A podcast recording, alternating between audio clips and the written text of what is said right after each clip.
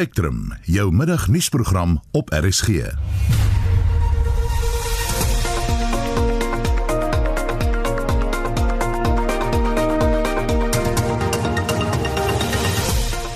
in die program die voormalige raadsvoorsitter van die SAL, Dudu Mjeni, weier steeds om vrae by die kommissie van ondersoek na staatskaping te beantwoord. Ons vind intussen uit hoe daar teen haar opgetree kan word na sy 'n geheime getuie se naam bekend gemaak het. Ms. Mjeni, despite those facts, on four successive occasions revealed the identity of Mr. X. Chair, we submit that that conduct is a willful ex- obstruction of the Commission in the performance of its functions. En die wêreld se fokus is nog op Amerika en die uitslag van die verkiesing. Ons kyk na wat ons kan verwag tussen vandag en Maandag. Goeiemiddag, ek is Susan Paxton.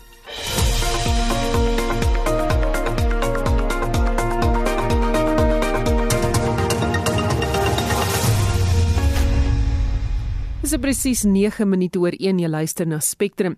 Die voorsitter van die Staatskapingskommissie, adjunkhoofregter Raymond Zondo sê hy gaan die voormalige raadsvoorsitter van die SAL, Dudu Mjeni, aankla nadat sy die identiteit van 'n getuie bekend gemaak het. Es de Klerk doen verslag. Die getuie het voor die kommissie net as meneer X bekend gestaan omdat die kommissie 'n bevel uitgereik het om sy identiteit te beskerm. Die getuie het voordat hy getuig het aan die kommissie gesê hy vrees vir sy lewe en die beskerming van sy familielede. Zondo sê Mjeni het die kommissie se reëls vir getuiebeskerming oortree. To say the least, I'm disappointed that you did this, uh, particularly after I had said that I made an order that his identity should not be revealed. I'm going to wait for the submissions that your legal team will bring. I will uh, then have regard to it and then take it from there. Mjeni se regsverteenwoordigers sê hulle besef die ernstige aard van haar optrede. Hulle het Zondo gevra om sy aanklagte teen haar uit te stel tot aanstaande Dinsdag vir 'n formele voorlegging. Kommissiegetuienisleier advokaat Kate Hofmeyer sê Mjeni het die kommissiewet oortree. The order that you made, Chair, concerning the identity of Mr. X was granted because you were satisfied that disclosure of his identity would threaten his and his family's personal safety. Secondly, in response to Ms. Mieni's question uh, about who Mr. X was, you made it clear to her that you had given a ruling that his identity was not to be revealed because you were persuaded that but for that protection, his personal safety was at risk. Ms. Mieni then stated that she had read the full transcript of Mr. X's evidence. And if she did so, she read in detail the basis on which the application for his evidence to be given in camera and for his identity not to be revealed was made. Hofmeyer het gesê Mjeni is deur die kommissie se getuienisleiers ingelig hoekom 'n bevel deur Zondo uitgereik is dat sy identiteit beskerm moet word en dat meneer X haar moontlik in sy getuienis kon impliseer. So against that factual background, Chair, Ms. Mieni, despite those facts, on four successive occasions revealed the identity of Mr. X. Chair, we submit that that conduct is a willful ex- obstruction of the Commission in the performance of its functions. It reveals a disrespect for this Commission and its processes, and it will send a chill over these proceedings because it is liable to deter future whistleblower witnesses from coming forward. We submit that this is an extremely serious matter. Hofmeyer het Zondo gevra om 'n klag teen Jenny in te dien. Sy het ook gevra dat enige toekomstige berou van Jenny in die kwessie eerder as sake beskou moet word wat sal deel uitmaak van haar strafregtelike verhoor op die aanklag. Sou die nasionale vervolgingsgesag besluit om haar te vervolg. Ek is Estie de Klerk vir SAK nuus. Ons bly by die storie en vir 'n regsmening praat ons nou met die strafregprokureur Claudine Robertse van Ulrich Groen Vennote. Goeiemiddag Claudine. Hi Susan. Advokaat Hofmeyer sê Mjeni het die betrokke artikel van die Staatskaping Kommissiewet 4 keer oortree toe sy die identiteit van meneer X bekend gemaak het. Hoe bindend is so 'n kommissie van ondersoek se wetgewing? Kyk, hierdie kommissie is nie 'n hof nie. Ehm um, so dit kan die individu wat hier geïmpliseer word nie vervolg word nie alhoewel hulle wel gebonde is om hierdie wette en reëls van die kommissie uh, te gehoorsaam. En Hofmeyer het regter Zondo gevra om Jenny aan te kla en Zondo het gesê hy oorweeg dit om 'n klag teen haar in te dien sou die nasionale vervolgingsgesag dan moet besluit of hy haar strafregtelik hierop sal vervolg. Ja, so die uh, nasionale vervolgingsgesag ehm um, het die het die finale besluit om te beslis of iemand ehm um, straf strafregtelik vervolg gaan word.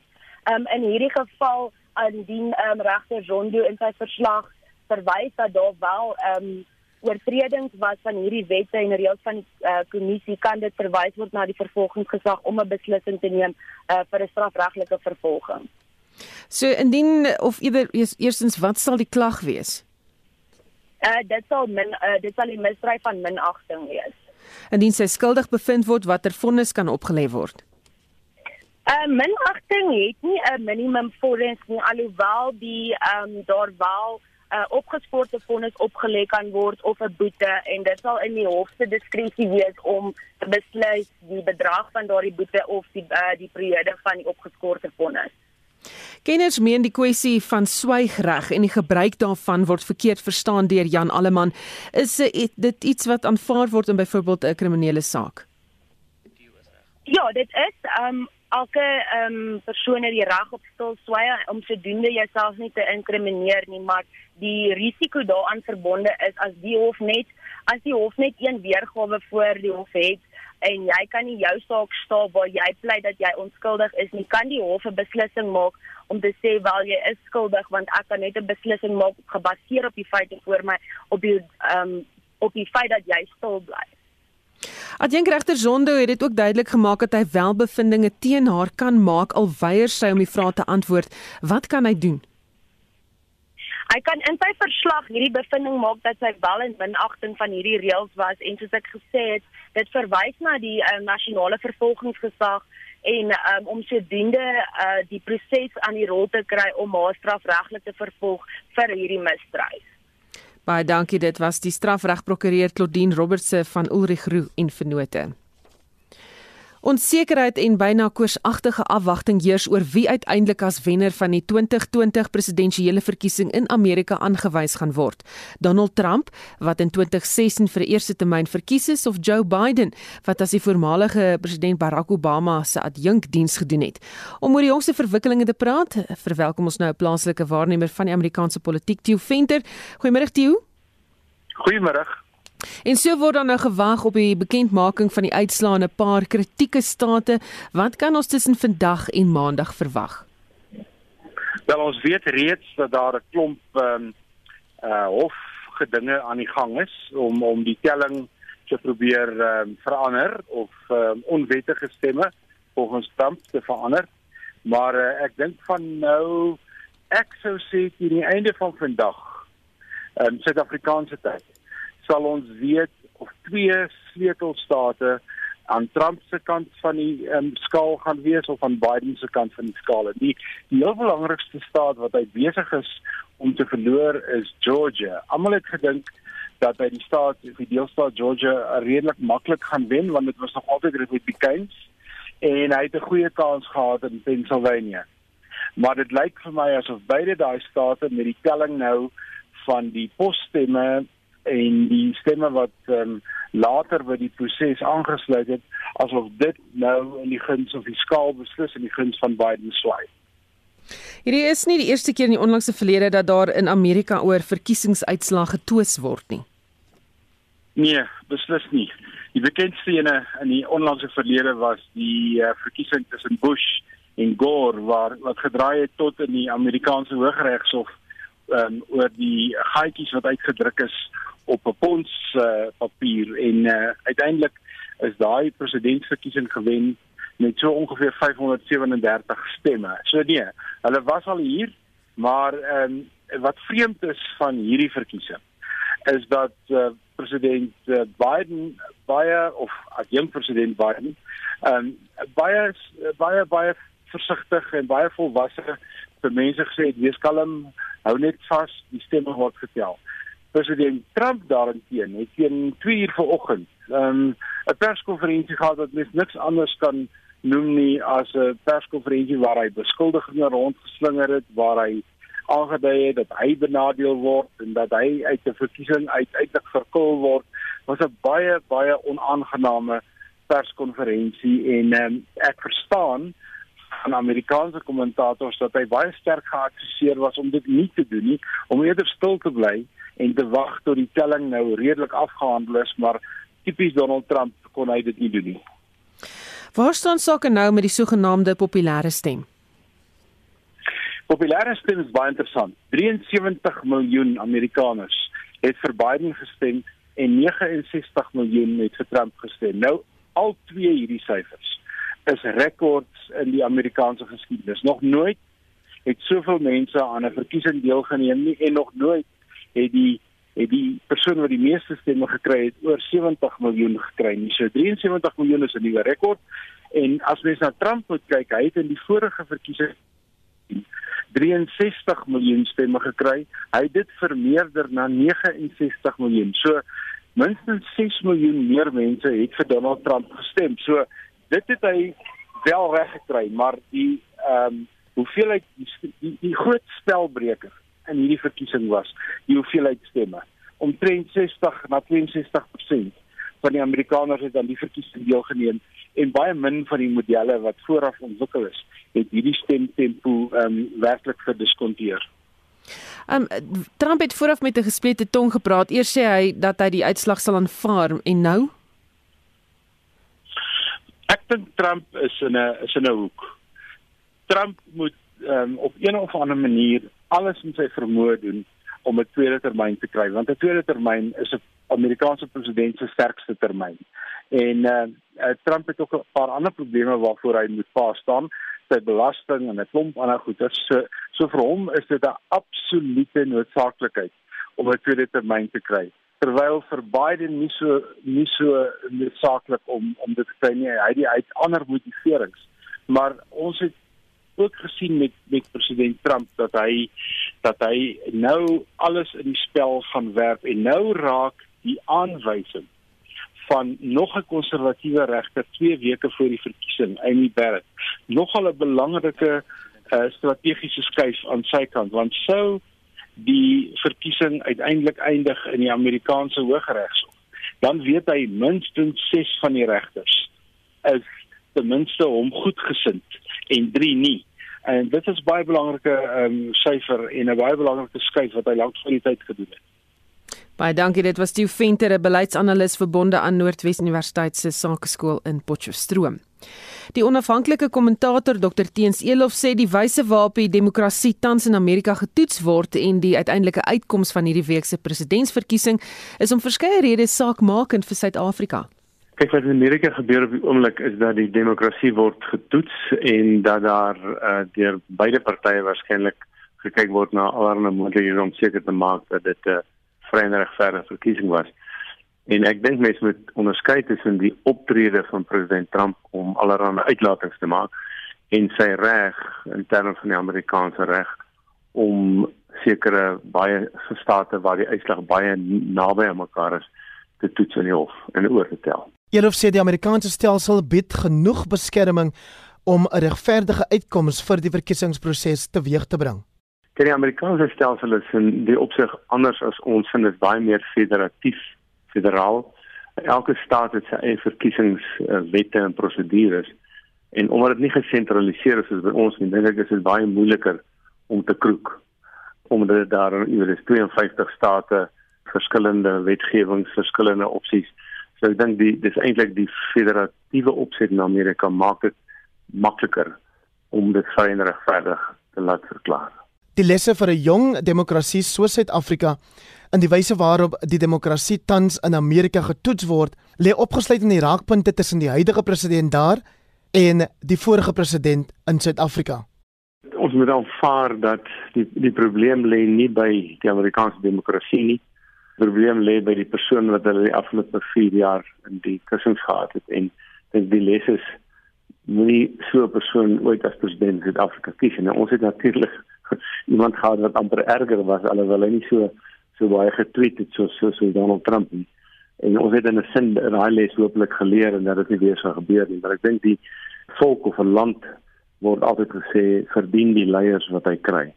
Ek dink dis die les dat ons moet mooi kyk wie laat ons as leiers staan en wie verkies ons en watter party verkies ons Jelof sê dit maak op twee wyse maar veral op ekonomiese gebied vir Suid-Afrika saak wie uiteindelik as president in Amerika aangewys word. Polities dink ek het ons nou gepraat oor die lesse wat mense kon leer. So ek dink uh, mense moet leer dat wat ook al gebeur want enige twee van die kandidaate kan nog wen dat uh, hierdie tipe van uitsprake behoort nie regtig by 'n president nie. Maar ek dink ekonomies maak dit meer saak en dit lê op twee vlakke. Een is die breë ekonomie. Ek dink die die wêreldekonomie uh, hou asem op om te kyk wat gaan gebeur ek dink nie ek dink waarskynlik sal baie meer uh, staatsinmenging uh, gee en minder vir die ekonomie van Amerika doen en as, as Amerika se ekonomie nie goed doen nie, dan doen die wêreldekonomie ook Suid-Afrika se ekonomie goed nie. Maar die tweede is dat daar sekere dinge waar ons daar kan voordeel trek, soos byvoorbeeld in die AGOA, die, die Amerikaanse ooreenkoms met Afrika en ook Suid-Afrika, uh, was Trump 'n bietjie moeiliker. Hy het baie meer inwaarts gekeer en Biden sou waarskynlik meer positief wees daaroor om dit om dit voort te sit. So ek dink dit dit het 'n uh, miskien nie heel direkte gevolge nie maar tog gevolge vir ons en dit is daarom belangrik. Dit was die onafhanklike kommentator Dr Teens Elof het met Heinrich Weingart gepraat en eh, Teens Elof sal Sondag aand om 8:00 op kommentaar onder leiding van Heinrich verder oor die Amerikaanse verkiesingsuitslae praat. Die ander twee gaste is oud ambassadeur Ibrahim Rasool en Max de Pre van die Vrye Weekblad. Die liedjie-skrywer en sanger Tracy Chapman het op verkiesingsdag in die FSA weer haar gitaar opgetel om die liedjie Talking About a Revolution te sing op Amerikaanse televisie. Chapman, wat bekend is vir haar musiek wat fokus op onderdrukking en ander probleme in die samelewing, het die liedjie 32 jaar gelede vir die eerste keer gesing nadat die Reagan-era in die FSA tot 'n einde gekom het. Sy waarskyn die liedjie dat die armes in opstand gaan kom en terugvat wat hulle sin is. Kom ons luister daarna. Don't you know talking about a revolution sounds like a whisper. Don't you know? Talking about a revolution sounds like a whisper. While they're standing in the welfare lines, crying at the doorsteps of those armies of salvation, wasting time 1327 Amerika het die week die eerste nasie in die wêreld geword om aan die Parys Klimaatsooreenkoms te onttrek. En vir meer oor wat die skuif beteken, praat ons met professor François Engelbreg by die Wits Universiteit se Global Change Institute. Goeiemôre François. Ja, sien dan. Herinner ons net weer wat behels hierdie klimaatsooreenkoms? Ja, in kort sê dan kan ek kan die Parys Ooreenkoms daaroor dat die mens globale verwarming moet beperk verkieslik tot ver onder 2 grade Celsius. Dis nou in terme van die wêreldwye gemiddelde stygings in temperatuur. En in 'n waarheid sê die inkomste dat ons moet probeer om die temperatuur toename te beperk tot 1.5 grade Celsius. En sodoende kan ons dan die mees gevaarlike en die onomkeerbare impakte van klimaatsverandering vermy. Die skuif in Amerika is al 3 jaar vertraag. Wat gebeur nou? Ja, die proses het omtrent 3 jaar geduur vanaf Trump nou die Trump administrasie nou amptelik aangekondig het dat die FSA onttrek uit die ooreenkoms tot en met die dag wat die onttrekking van krag geword het. Dit was omtrent 3 jaar. So die onttrekking het van krag geraak hierdie Woensdag wat nou net verby is.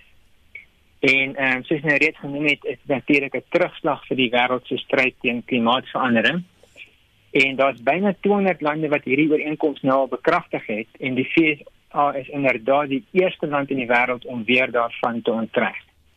Hoekom is dit so groot terugslag uh, juis omdat die VSA onttrek het?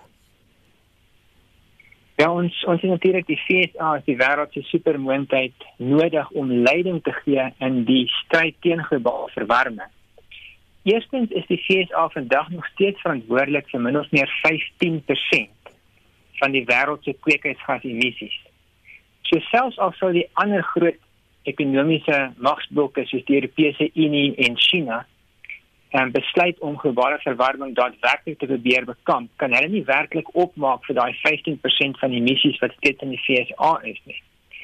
Maar meer belangrik om wêreldwyd die omskakeling te maak van ons afhanklikheid van die fossiel brandstowwe na die hernubare vorme van energie toe. Dit verg 'n revolusie in terme van hoe ons energie opwek en in terme van hoe ons die wêreld se ekonomiese stelsel bedryf. Nou sonder die CSA se se aktiewe deelname en se leierskap is dit baie moontlik om die omskakeling na hernubare vorme van energie wêreldwyd volhoubaar te befonds. Nou daar is sprake dat Joe Biden sou die president word, die besluit sal omkeer en in Amerika weer laat aansluit by die ooreenkoms. Sou dit weer maklik gedoen kan word? Sesans, ek het verstaan reg tegnies is dit absoluut moontlik en dit lyk soos ek het verstaan is dit baie makliker om weer deel van die ooreenkoms te word as om daarvan te onttrek.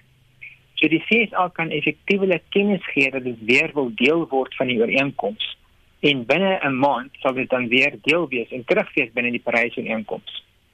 Maar die groot probleem hier is dat Amerika die afgelope 5 jaar ongelooflike ehm um, kredietwaardigheid verloor het as dit kom by die die bekamping van klimaatsverandering en ehm um, gesonde omgewingsbeginsels. So om weer daardie kredietwaardigheid te weer terugkry en om weer die respek te probeer terugkry van die wêreld wat Amerika wel gehad het ten tye van die sluiting van die Parys-ooreenkoms van maar 'n groot opdraande strand weer. Baie dankie dit was professor François Engelbrecht van die Wits Universiteit se Global Change Institute. Jy luister na Spectrum elke weekmiddag tussen 1 en 2.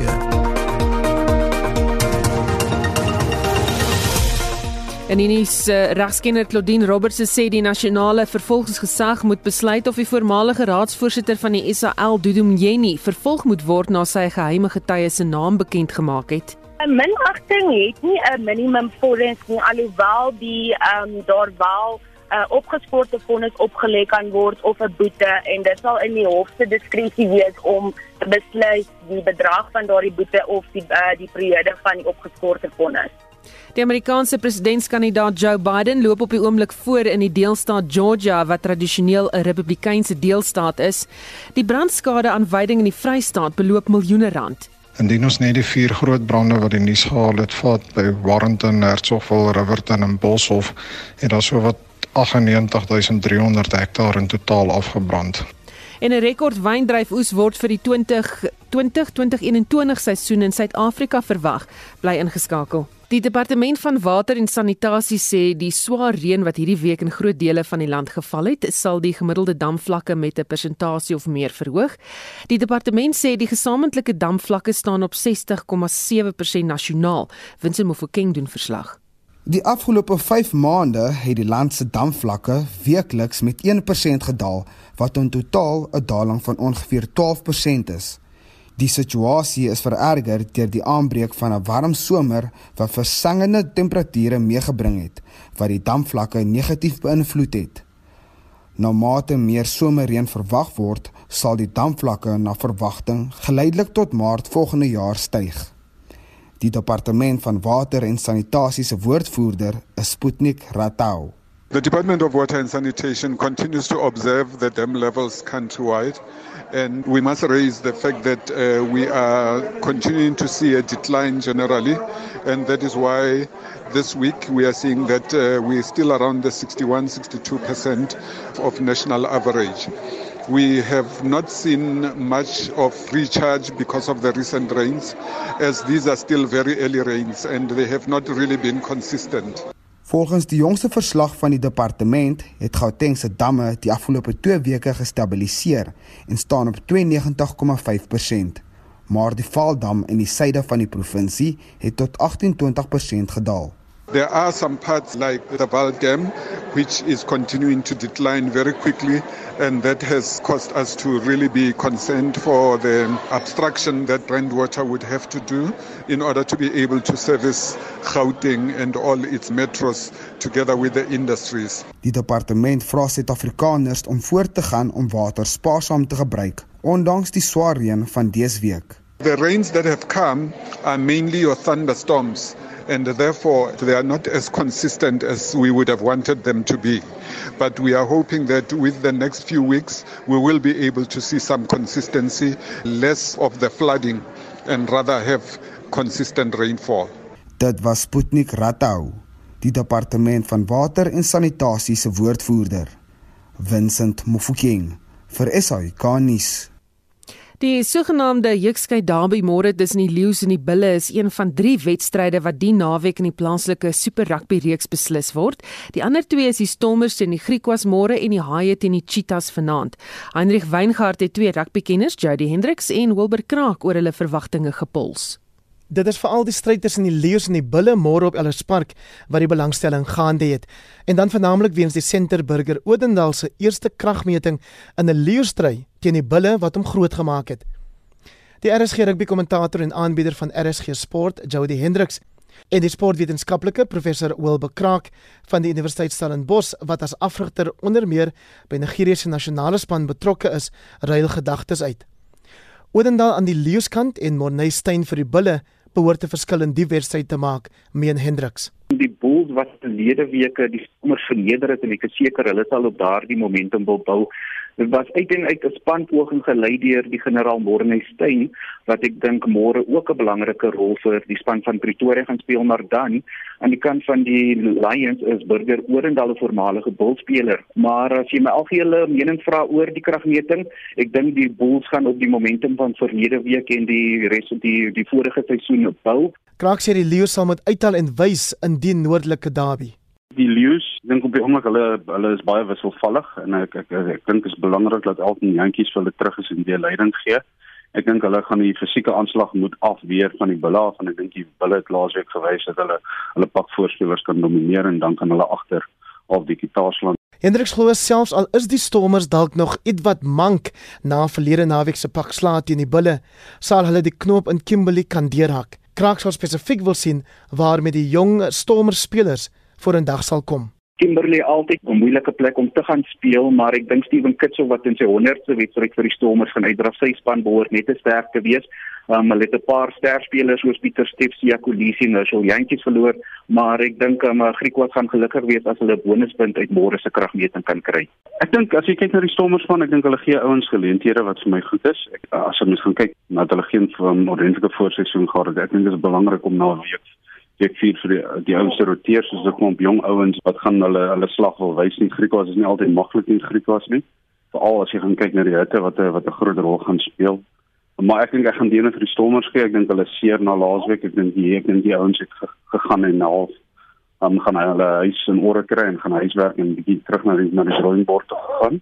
Ek glo die stormers gaan goed doen. Um, ek dink dit is klomp jong manne wat hulle punt wil bewys. Nou vir dan Dobson of um, wys ek ek verdien my beginplek. Sonder Roan Pinaar is die Cheetahs nie op volle sterkte nie, maar steeds op vorm, sê Hendriks.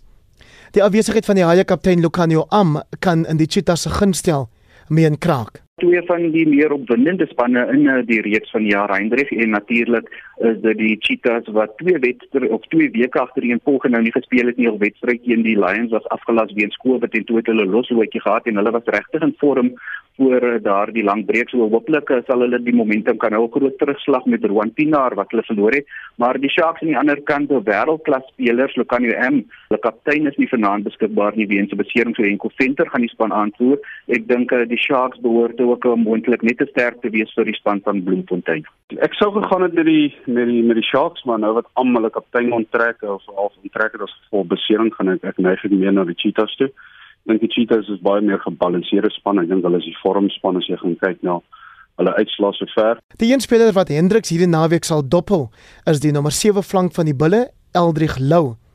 Terwyl Kraak se versier gerig sal wees op Edwil van der Merwe van die Stormers. Dit gaan natuurlik die nommer 7 flank van die Bulls, Eldrich Lou wees. Hy was so 'n maand gelede nog by die Southern Kings en nie 'n kontrak gehad nie toe ek Jake White om na beloftes gelok en uh, hy is die man wat nou van die Zaamkar en Arno Botha twee Springbokke op die reservebank of uit die wedstryd 23 by die Bulls en hy het ook 'n verlede week teen Stormers baie goed gespeel. Die afgelope ruk hou ek vir Edwin van der Merwe van die Stormers. Hy het so 3 weke terug sy debuut gemaak 'n speler wat ek 'n sagte plekkie het en van ek het vir hom as 'n desent klas gegee.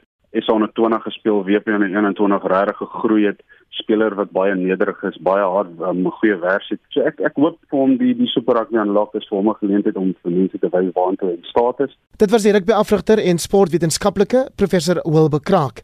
Ek is Hendrik Weingart vir SAK nuus. 'n Goeie wyndryfoes word vir die 2020-2021 seisoen in Suid-Afrika verwag, hoewel meer akkurate syfers eers aan die einde van die maand bekend gestel sal word.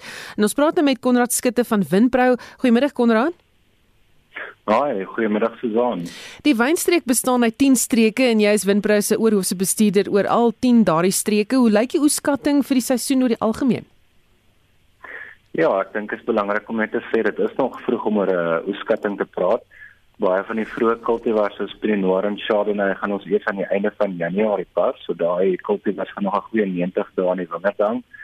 En dan van die later kultivars soos Cabernet, ehm um, gaan ons eers hier so aan die einde van Maart pas, so dis omtrent nog 150 dae voor ons daarby die Cabernet uitkom. So baie dinge kan nog verander en ons kan julle dan nou meer detail gee oor presiese oeskattinge wanneer ons in Desember, Januarie, Februarie, Maart na detail syfers kyk in die verskillende streke.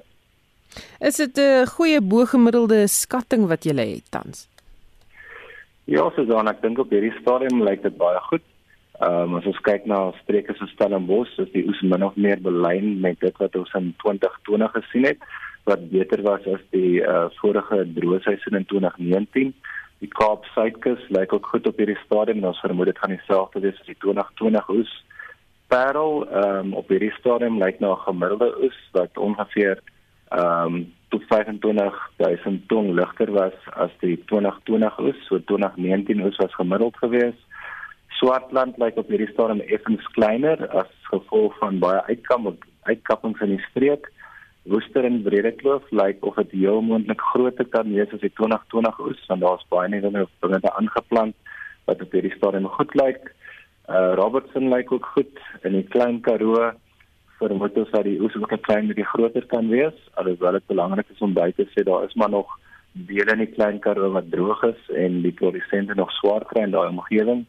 Oranje rivier se verwagting is ook uh goed op die stadium. Alhoewel ons 'n bietjie rypskade gekry het in Oktober uh wat 'n demper op die op die skatting geplaas het en Olifantrivier vermoed ons ook dat dit gelyk staan aan die 2020 moes gaan wees. Watter impak het die COVID-19 inperking en die verbod wat op die verkope van alkohol geplaas is op julle bedryf en die wynboere gehad? Sodaan dat dit 'n enorme effek gehad op die wynbedryf. Ehm um, in hierdie inperking kon ons vir 5 weke lank nie uitvoer nie. Ehm um, so ek dink enige iemand wat uitvoerbedryf ken, weet dit vat jare lank om 'n handelsmerk traksie te kry in uh, in buiteland. So ander lande kon nog steeds uitvoer en ons het 'n uh, rakspasie verloor in die buiteland. Dan kon ons ook vir 14 weke nie verkoop op die plaaslike mark nie. Ehm um, so uh, ek dink ehm um, baie van die handelsmerke wat op die plaaslike mark gefokus het, beleef ook 'n baie groot terugslag op hierdie stadium. Ons vermoed die die verliese op hierdie stadium is ongeveer 100 miljoen liter wat ons minder verkoop het as normaalweg. En uh ehm um, ja, dit is 'n baie groot terugslag op hierdie stadium kan ons nog nie op naweke verkoop nie. Ehm um, ongelukkig is die toeriste se beweging ook baie traag op hierdie stadium. Toeriste beweeg nie rond soos normaal nie. En op ons sien dit is vir al die kleiner kelders wat uh, plus minus 80% van die kleiner kelders uh, doen direkte verkope vanaf die kelders af en dit is vir al hierdie kelders wat uh, um, baie sukkel op hierdie stadium. Is dit uh, gaan dit moeilik wees om hierdie verliese te herstel? Definitief sezon ons uh, weet nie presies hoe lank dit gaan vat nie maar ek, ek kan vir jou sê dit gaan lank om te lank vat om te herstel en dit is 'n groot terugslag vir die wynindustrie. So ja um, dit gaan lank vat. Baie dankie dit was Konrad Skutte van Windbrou Die finansiële impak van die brande in die Vrystaat die afgelope ruk kan boere op hulle knieë dwing. Volgens berekeninge het meer as 98000 hektaar weiding afgebrand. 'n Landbouekonoom van die Universiteit van die Vrystaat, Dr. Frikkie Maree, het bereken hoeveel dit boere sou kos om voer aan hulle diere te voorsien vir ten minste die volgende jaar. Indien ons net die vier groot brande wat die nuus gehaal het, vat by Warrenton, Hertsgville, Riverton en Boshoff, het daar so wat 98300 hektaar in totaal afgebrand. Nou indien jy gaan kyk na weidingskundige navorsing wat deur Prof Henny Snyman gedoen is, word daar aanbeveel dat soetveld wat gebrand het hierdie tyd van die jaar 'n volle seisoen ten minste moet rus en indien dit 'n warm brand was waar daar baie materiaal betrokke was, moet dit selfs 1 en 'n half jaar rus. Nou indien ons hierdie 98000 hektaar gaan vat en aanneem dat die veidingskapasiteit 10 hektaar per grootvee eenheid is, beteken dit dat hierdie totale stuk veld byna 10000 beeste kon onderhou en dan moet ons vir hulle voer vir 'n jaar gaan uitwerk. Nou 'n grootvee eenheid is 'n groeiende os van 450 kg en indien hy 2.5% van liggaamsmassa vreet, moet elke dier ongeveer 11.25 kg voer per dag kry. Nou die onderhoudsvoer vir beeste op hierdie stadium kos rondom R2605 per ton en indien jy dan hierdie goed gaan uitmaal, kom jy daarop neer dat vir die volgende jaar die diere basies 110 ton voer per dag benodig, amper 40400 ton voer vir die volgende jaar teen 'n koste van 105 miljoen rand. Nou daar's baie donasies ingesamel, mense wat voer geskenk het, wat geld ingesamel het en ander hulpmiddels om die landbouprodusente in hierdie areas by te staan. Die ekonomiese verlies is egter verskriklik groot en net veiding of om daai diere weer te voer vir die volgende jaar, soos ons gesê het, kos bykans 105 miljoen rand. En dit was Dr. Frikkie Maree, landbouekonoom van die Universiteit van die Vrystaat.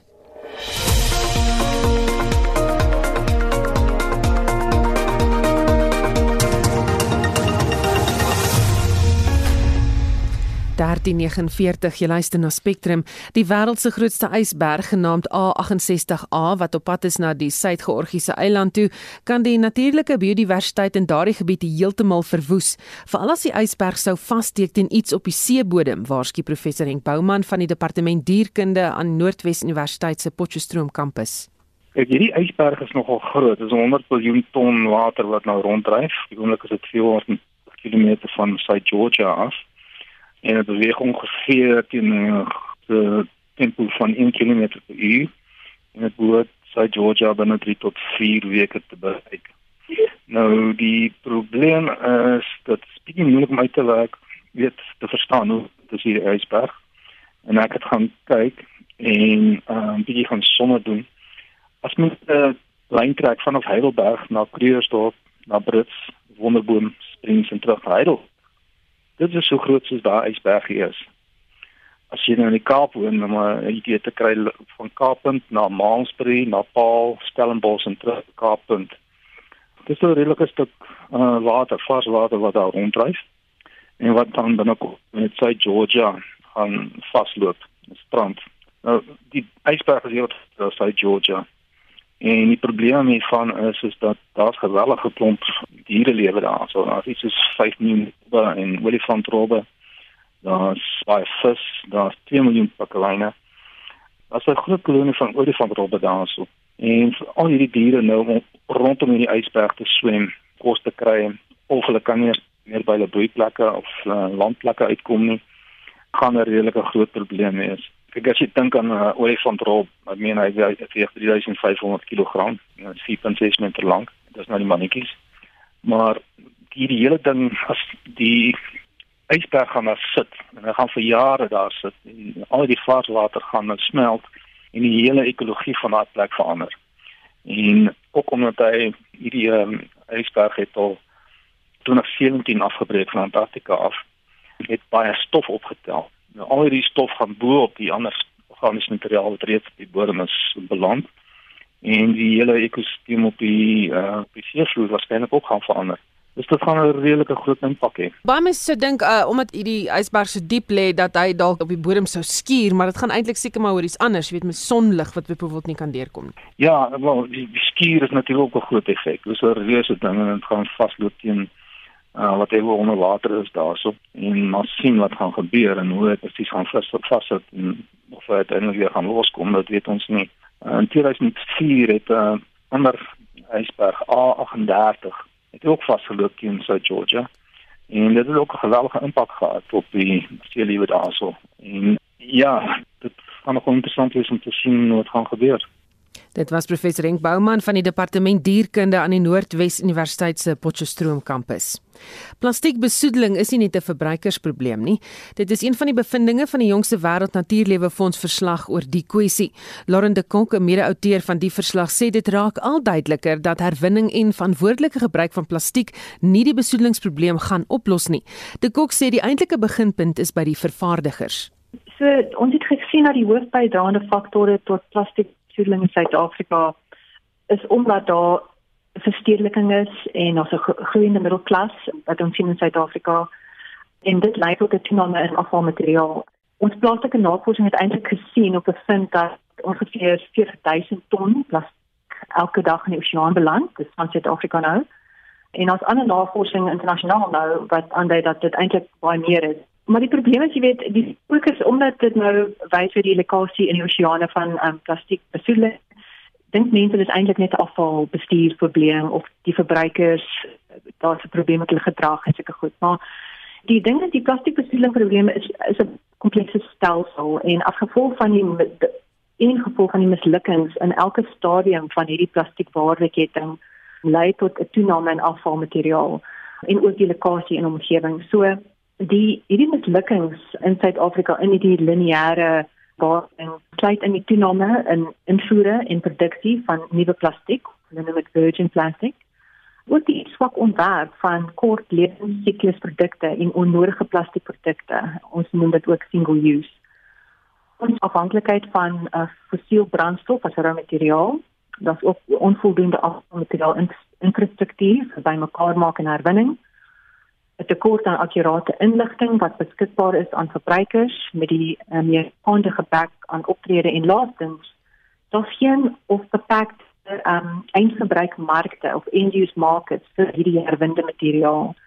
So, jy kan sien dit is nie net 'n afvalprobleem daar. Dit is al hierdie mislukkings sluit aan by die onvoldoende toegewydheid en toepassing van regulasies en 'n tekort aan data om die basislyn te evalueer en dit was Lauren de Kok van die WWF. Die eiendomsmark kan in, to in die toekoms heeltemal verskil van dit waaraan verbruikers gewoond was voor die COVID-19 pandemie. Die eiendomsstrateeg en bestuurshoof van Rode en Genote Beperk Erwin Rode sê daar is 'n al sterker oorweging om nie meer so baie kantoorspasie te hê nie. Afrika was in 'n resessie voor die COVID-19 storie. So, dit gaan nie net oor COVID-19. COVID-19 gaan waarskynlik opgelos wees oor wat weet ek 12 maande of 18 maande, jy weet, met 'n vaksines. Die probleem is die langer termyn slegte nuus wat ons kan toe kom en hier dink ek aan die fiskale krisis, Eskom, die breinkwyn, disfunksionele opvoedingsstelsel, zero som speletjie waarmee die regering besig was of is hulle wil eerder die uh, koek heropdeel, herverdeel eerder as om te groei, die endemiese korrupsie en dan natuurlik die groot groot ding op die lange termyn moet dit sê die groot tegnologiese revolusie wat aan die kom is. So met dit as 'n agtergrond, kom ons kyk eers na kantore. Kantore was die leegstand in Suid-Afrika in die algemeen vir prima kantore was hier ongeveer 12 tot 15% van wat ons nou dus hier praat. So uh, dit was baie erg reeds nie dat ons dit van tevore al gehad het nie, maar uh, eh, bo op hierdie leegstand natuurlik het toe gekom die uh, laer groei in die ekonomie, nie net die laer groei nie, maar die sterk daling oornag in eh uh, bruto binnelandse produk en wat ons produseer as 'n land. So, of dit nie al die enigste probleem is nie, nou het ons ook nog natuurlik die storie dat mense gaan nou meer en meer van die huis af werk. Dit is byna gegee. Ek het pas 'n gesprek gehad met my personeel en ons het besluit in ons klein maatskappytjie gaan ons by die werk werk of gaan ons by die huis werk of gaan ons albei doen. En dit gaan natuurlik op die langer duur wanneer 'n uh, huurkontrakte verstryk, gaan dit beteken dat uh, jou huurders gaan minder oppervlakte wil huur. Soos wat mense meer en meer van die huis af werk. Natuurlik is nie alle beroepe wat jy van die huis af kan werk nie, nee, mens moet dit in ag neem. Maar die sogenaamde hot desking, ek ek dink gaan 'n verdere uh, stoot kry. In ander woorde, jy het 'n kleiner oppervlakte wat jy huur en dan jy 'n paar rekenaars wat daar rond staan met die ouens se inkom met hulle skootrekenaars en ehm um, dan sit hulle eenvoudig net vir daar vir tydelik want niemand besit 'n lesenaar nie en op die manier spaar die werkgewer natuurlik baie oppervlakte wat hy moet hier. So die risiko wat die eiendomsmark aan betref raak net al hoe groter want dit wil voorkom asof hy gaan krimp. Die hele uh, gesig daarvan, die beeld daarvan het nou verander. Ek is altyd bedigte op jy, jy weet dat hy nie dit oordryf nie. As ek volgens nou inry na die middestad van Kaapstad dan ja, die verkeer is 'n bietjie makliker, maar dit is nie asof dit heeltemal baie gestort het nie. So ek wil nie die middestad afskryf nie, maar ek dink dit gaan wel 'n hupstoot gee vir minder oppervlakte hier, met ander woorde groter oorskot van van huidige oppervlaktes wat hier is. En uh, terselfdertyd gaan dit hupstoot gee. Ek dink ek vir die gedesentraliseerde kantoornodes want hoekom met die goeie kommunikasie wat jy deesdae het, jy weet hoekom gaan jy nou ja kon jy eerlang parkeer op die snelweg eerder as om uh, sê maar 1 km na jou naaste gedesentraliseerde kantoorgebou te ry of selfs van die huis af te werk. Wat is die toekoms dan van die eiendomsmark? Politiek is dit natuurlik, jy weet ons gaan nou 'n tydperk van 5 of langer jare tegemoet waarin die ekonomie uh, bittermin gaan groei en dit van nogal van 'n baie lae punt af. So uh, alle eiendomstipes hier onder gaan swaar kry. 'n Moontlike uitsondering, maar ek dink nie dit is 'n uitsondering nie. Gaan huise wees miskien. So die groot leegstand wat ons het op die oomblik in die geval van kantore, dink ek gaan nog 'n hele paar jaar duur. Ek dink nie, ek weet dit. Ek meen dit is 'n gegeewe want uh, gegeewe dit wat uh, die fiskale posisie van die regering ek ben ons moet uh, ons moet ons gordels bywer trek as uh, as 'n nasie oor die volgende paar jaar. So dit is byna gegee. Wat huise betref, ek is nie heeltemal ek dink nie op die oomblik is die mense in die huisbedryf verstandelik optimisties want die eerste data wat uitgekom het na die inperking is glad nie so sleg nie. Alhoewel die groei is nog steeds uh, laer as die inflasiekoers, die groei in pryse. Uh, maar ontwikkelaars sê my dat daar was 'n stormloop geweest vir huise te koop, nuwe huise te koop uh, na die opheffing van die uh, inperking. So dinge gaan gaan op die oomblik verbasend genoeg, glad nie te sleg nie. En natuurlik die hoofrede daarvoor is die 3 persentasiepunte daling wat ons gehad het in uh, korttermyn rentekoerse en ander woorde die rentekoerse wat jy betaal op verbande, huisverbande.